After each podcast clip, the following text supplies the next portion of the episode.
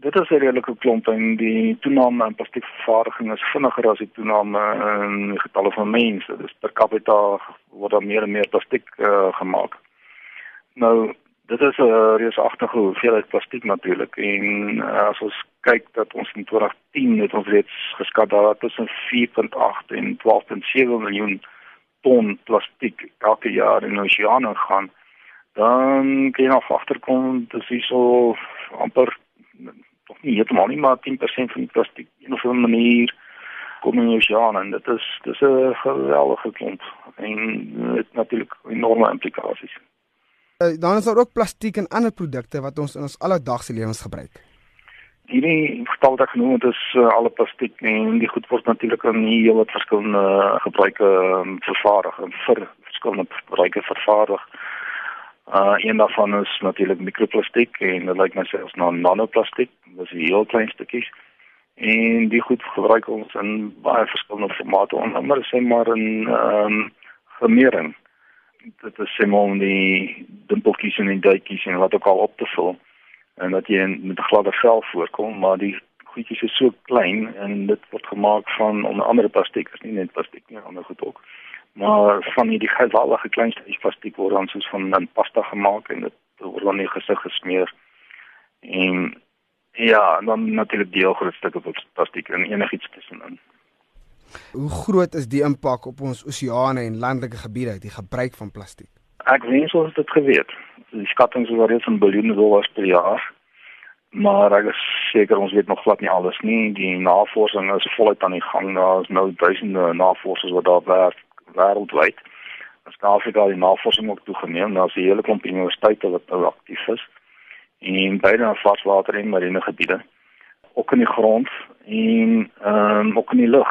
Ehm um, as mense nou almal bekommerd.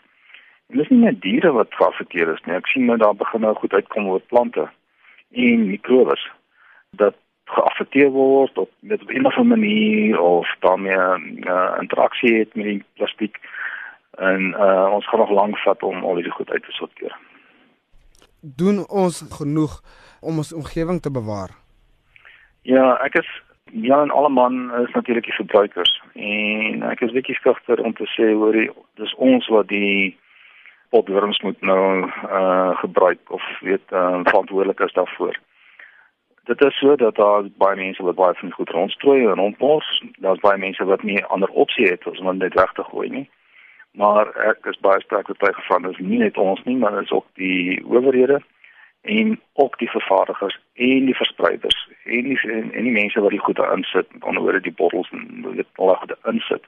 Dit almal verantwoordelikheid en nie net Jan Alleman nie.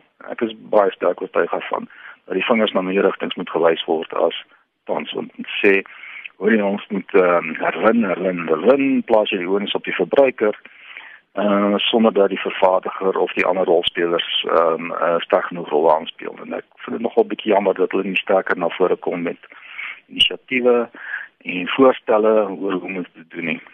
Hoe effektief is die privaat sektor in die herwin of die vermindering van die gebruik van plastiek? Uh daar sekerre plastieke, nie, nie alle plastieke is herwinbaar nie. Punt 2, nie alle plastieke is ekonomies herwinbaar nie. Ehm um, met lae oliepryse is goedkoper om nuwe plastiek te maak as om plastiek te herwin. En dan is dit natuurlik ook die versameling daarvan, die skoonmaak daarvan, want baie van die plastiek is al reeds besoedel sê met kos of so iets en dit kan jy nie direk gebruik nie, dit moet skoongemaak word. Dan moet dit versnippel word. Ehm um, dit daar's redelike uh, implikasies daarvan. Dit vat baie energie en tyd om plastiek te herwin. Watter ander maniere is daar om plastiek te gebruik, die herwinne plastiek? daar is en ek dink meeste van die goed is al reeds uh, ondersoek en uh, heel wat mense is daarmee besig. Die probleem is dat ehm um, as jy byvoorbeeld nou uh, waste plastiek, afvalplastiek wil gebruik, dan begin jy nou afhanklik raak van die waste wat nou geproduseer word. En as jy besigheid het wat afhanklik is van waste en jy wil juist die uh, afval, die hoeveelheid afval verminder dan sit daar daai besigheid natuurlik met 'n probleem want dis minder grondstowwe beskikbaar daarvoor. Dit is 'n redelike ingewikkelde saakie. Ehm um, en ek is al lankal 'n voorstander daarvan dat Suid-Afrika geïntegreerde plastiekbeleid vorm en formuleer en ondersoek. daar is hit en ran soort van goed weet want die verskillende staatsdepartemente het baie beperkte mandate en hierdie kan net dit doen en daai kan net dat doen en ek sou baie graag wil sien dat daar 'n geïntegreerde beleid kom dan van plastiek. Dit sal natuurlik al die rolspelers binne sluit en dit sal almal tafel toe moet kom. Op die oomblik kry ons dat sekere rolspelers nie maklik by tafel toe kom nie.